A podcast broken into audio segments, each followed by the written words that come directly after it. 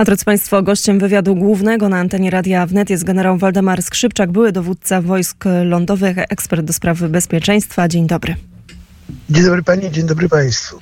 Panie generale, program rozpoczęliśmy też po godzinie 7.07 połączeniem z naszym korespondentem w Kijowie, który przekazał niestety mm, no, te bardzo niepokojące informacje, które zapewne pan, e, do, do pana generała też już dotarły, mianowicie ataki e, na Kijów, te drony kamikadze, mm, także e, nie, nie wszystkie udaje się zestrzelić wojskom ukraińskim. Teraz też kolejne doniesienia o wielu punktach zapalnych. Łączyliśmy się także z okolicami Bachmutu, mm, z Donbasem. Tam też spadają rakiety, a także informacje o tym, że rakieta spadła w Odeście.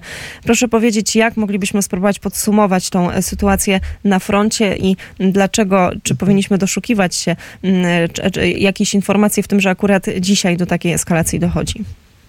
Znaczy generalnie ataki rakietowe były, e, mają miejsce i rakietowe ataki będą, dopóki Rosjanie będą mieli potencjał do tego, żeby takie ataki wykonywać. Oczywiście okresowo one się nasilają, okresowo one słabną, ale po ataku na most Karczański y, one się wzmogły i teraz jest jakby apogeum tych ataków i tych ataków rzeczywiście jest dużo. Kwestią zasadniczą to jest zdolność obrony przeciwlotniczej armii ukraińskiej do zwalczania wszystkich środków napadu powietrznego, czy rakiet, czy dronów. Te zdolności moim zdaniem są y, duże. Oczywiście one są niewystarczające, bo wszystkich y, środków napadu powietrznego się nie strąci, nie, zniszczy powietrzu. Zatem te zdolności, które w tej chwili ma armia ukraińska, one są na poziomie 50 no, maksymalnie 50% y, deklarowane systemy NASAMS od Amerykanów oraz niemieckie systemy IRIS-T pozwolą zagęścić obronę przeciwlotniczą, zwiększyć jej zdolności. Wydaje się, że te systemy, one są niezwykle skuteczne do walce z rakietami manorującymi i z dronami dużymi, na pewno będą mogły podnieść poziom zdolności do zwalczania środków napadu powietrznego tak gdzieś do poziomu nawet 80% moim zdaniem. Niemniej jednak będą takie systemy, które będą niezwalczane, które będą uderzały na miasta, więc mm, trzeba się z, tą, z tym faktem oswoić, że jednak nie wszystkie systemy będą strącone w powietrzu i jednak będą miały miejsce uderzenia, ale ich będzie coraz mniej. Na froncie sytuacja jest bardzo skomplikowana. W tej chwili Rosjanie wszystkie dostępne siły i środki rzucili na kierunek Bachmutu i na kierunek Siewierska. Oni chcą za wszelką cenę kierunku dokonać wyłomu w obronie armii ukraińskiej.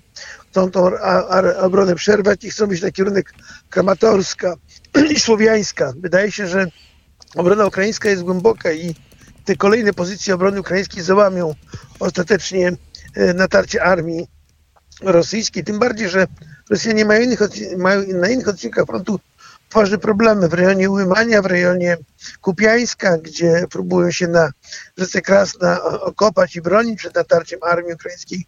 Ukraińcy chwycili przyczółki w kierunku na Swatowo, wypierają armię rosyjską. Oczywiście tempo już nie jest tak duże jak po 11 września, ale to wynika między innymi z tego, że obrona rosyjska tężeje, a jednocześnie wojska ukraińskie się przegrupowują, wprowadzają do walki świeże siły, które rozbijają obronę rosyjską. Podobnie ma to miejsce na kierunku przyczółku hersońskiego, gdzie Ukraińcy systematycznie demolują obronę armii rosyjskiej, odcinając jej zaopatrzenie, odcinając jej dowód środków materiałowych y, na, przez rzekę Dniepr, rozbijając te oddziały i spychają je powoli w kierunku Dniepru. Y, oczywiście przygotowują się do mm, ataku na Herson prawdopodobnie, bo widać wyraźnie, że Herson już w panice ewakuuje się przynajmniej administracja ta prorosyjska już ucieka z Hersonia, zatem obawy co do tego, że Ukraińcy uderzą na Herson, e, moim zdaniem są uzasadnione.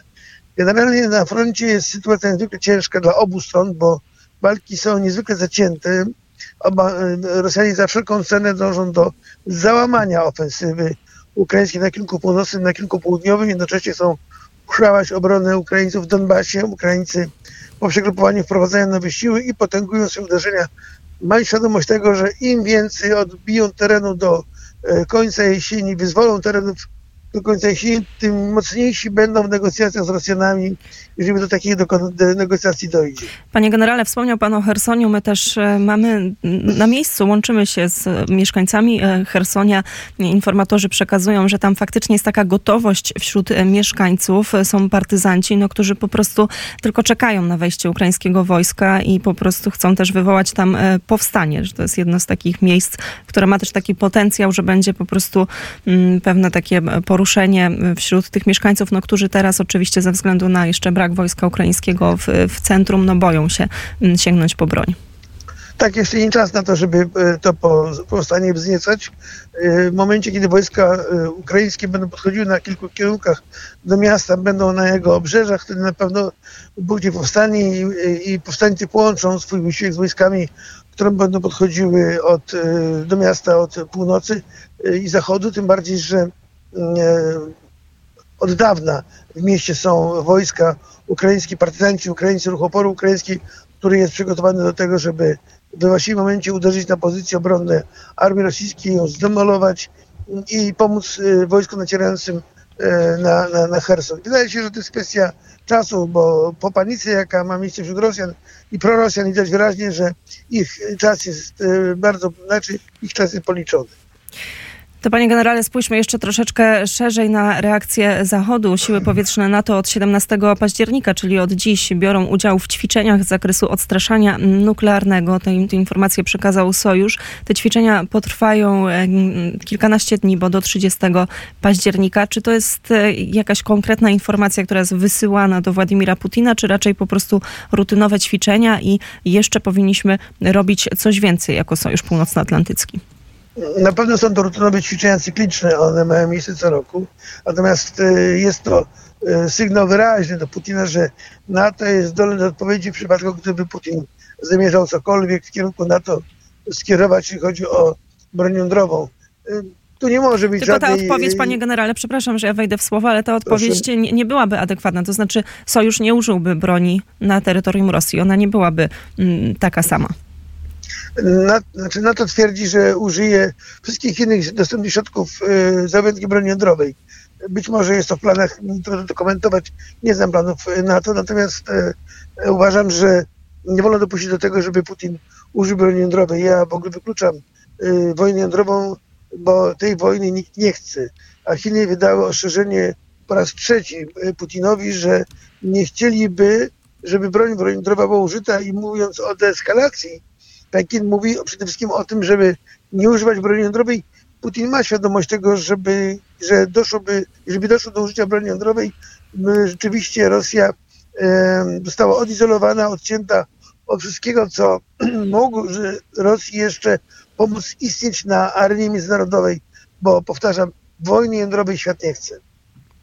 Panie generale, a co w takim razie jeszcze z Białorusią? E, kilka dni temu, tydzień temu tak naprawdę Łukaszenka ogłosił, że uzgodnił z Putinem formowanie e, wspólnego zgrupowania e, wojsk. W sobotę resort obrony Białorusi poinformował o przybyciu do tego kraju eszkalonów z rosyjskimi, eszelonów z rosyjskimi wojskami. Nie wiadomo, jak dużo jest na razie tych żołnierzy, którzy przybyli, ale jak pan ocenia zagrożenie, że także to uderzenie będzie właśnie z terytorium Białorusi? Putin, znaczy Łukaszenka stoi wobec faktu wy, wyboru w zasadzie, czy nadal być wiernym i poddanym wykonać polecenie Putina, czy słuchać głosu swojego narodu, bo po pierwsze Białorusini nie chcą walczyć i Białorusini na wojnę przeciwko Ukraińcom, jeżeli wyjdą, bo im każą, to bić się nie będą na pewno. E, przybywające eszelony, e, które pani wspomniała, z Rosji, żołnierzy rosyjskich rezerwistów i poborowych, one generalnie przybywają bez sprzętu.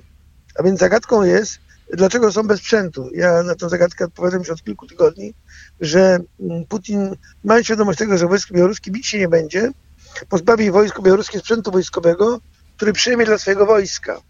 Dlatego, że to wojsko rosyjskie, które idzie na front, ono chronicznie cierpi na brak sprzętu wojskowego. Armie zostały rosyjskie mocno poturbowane, nie mają sprzętu wojskowego. Czołgów, BWP, artylerii. W związku z tym szukają broni, dla, i uzbrojenia dla tych, tych jednostek wojskowych, które są nowo formowane z mobilizacji tej częściowej kierowane na front.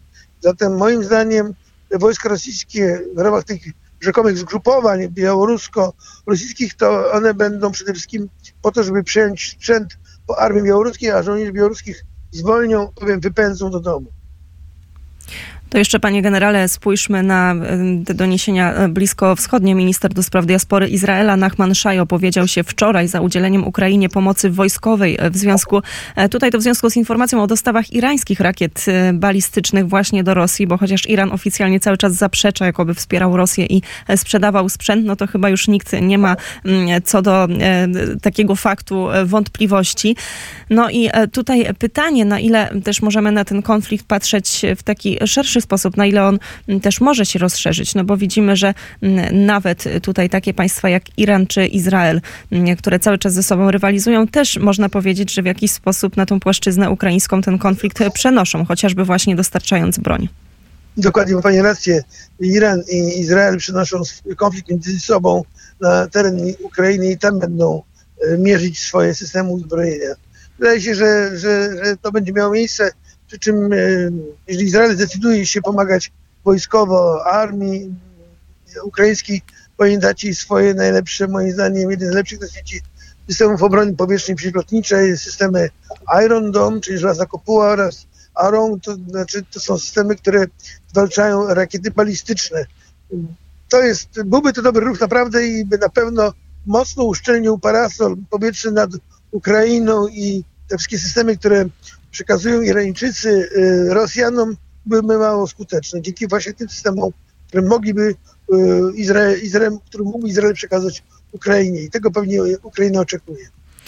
Tego pewnie oczekuję, tylko też pojawia się e, pytanie, czy Izrael jest to w stanie zrobić na przykład bez zgody e, Stanów Zjednoczonych, bo taka ta żelazna... No, Izrael jest przecież tym państwem, które jest cały czas atakowane i tak naprawdę gdyby nie chyba jedna z najlepszych, z najlepszej tej obrony i przeciwlotniczej, właśnie ta żelazna kopuła, no to e, możemy sobie wyobrazić, na jaką, z jaką skalą zniszczeń mielibyśmy do czynienia w Izraelu. Tak się faktycznie nie dzieje, więc wydaje się, że jest to jedno z tych państw, które mogłoby no, w taki realny sposób wspomóc Ukrainę. Ale pytanie też, czy czy będzie taka zgoda chociażby ze Stanów Zjednoczonych? Moim zdaniem tak. E, Stany Zjednoczone szukają sojuszników wszędzie, którzy mogli pomagać Ukrainie, więc na pewno nie będzie negatywnego stanowiska e, Stanów Zjednoczonych. Przy czym, jeśli chodzi o Izrael i ich systemy walki, oni są bardzo autonomiczni w decyzjach swoich, jeżeli chodzi o przekazywanie i kooperację wojskowo-przemysłową. Zatem wydaje się, że y, tutaj głos Ameryki i Stanów Zjednoczonych raczej nie będzie kluczowym i skoro podjęli taką decyzję Izraelczycy, to oni ją zrealizują niezależnie od tego, kto będzie miał jakieś stanowisko, ponieważ oni są suwerenni w swoich decyzjach. Panie generale, to jeszcze na zakończenie jedno pytanie. Jak pan ocenia mm, ten komunikat, y, decyzję Chin, no a także kilku innych państw, ale tutaj konkretnie zapytam o Chiny, o wezwaniu swoich obywateli do natychmiastowego opuszczenia Ukrainy. Z jednej strony, no to logiczne jest, że to może oznaczać, i to już teraz obserwujemy, eskalację tych, tych, tych działań, tych ataków, ale z, z drugiej strony, czy możemy się dopatrywać tutaj pańskim zdaniem tego, że te relacje na linii Pekin-Moskwa e, są coraz bardziej napięte albo się pogorszyły? Znaczy generalnie te relacje nie są dobre. Y, obaj panowie udają, prezydent y, Rosji, prezydent y, Chin udają, że one są poprawne, one nie są poprawne, ale to wynika mi z faktu, że sytuacja ekonomiczna Chin się pogarsza w wyniku tej wojny, którą Putin wywołał i Chiny nie są z tego powodu zadowolone i na pewno nie popierają polityki Rosjan, przy czym to wezwanie na pewno, tak jak pani wspomniała, wynika z eskalacji uderzeń rakietowych na Ukrainę i to, że obywatele państwa Chin, czy Chin i inni obywatele są zagrożeni mm, tą mm, mnogością ataków rakietowych na miasta, aglomeracje miejskie, gdzie dzieci i ludzie mieszkają, przebywają.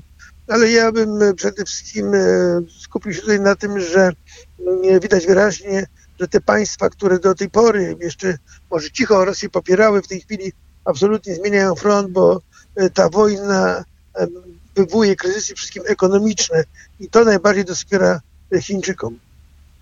I tutaj na razie, panie generale, postawimy kropkę. Jeszcze pewno będziemy wracać do tych rozmów na antenie Radia Wnet, bo też nic nie wskazuje na to, że jakoś w krótkim czasie będziemy mogli obserwować zakończenie Dokładnie. tego Szkoda. konfliktu. Szkoda, tak, to, to prawda. Tymczasem bardzo serdecznie dziękuję za rozmowę. Generał Wal... dziękuję, dziękuję Państwu. Dziękuję również. Generał Waldemar Skrzypczak, były dowódca wojsk lądowych, był gościem poranka Wnet.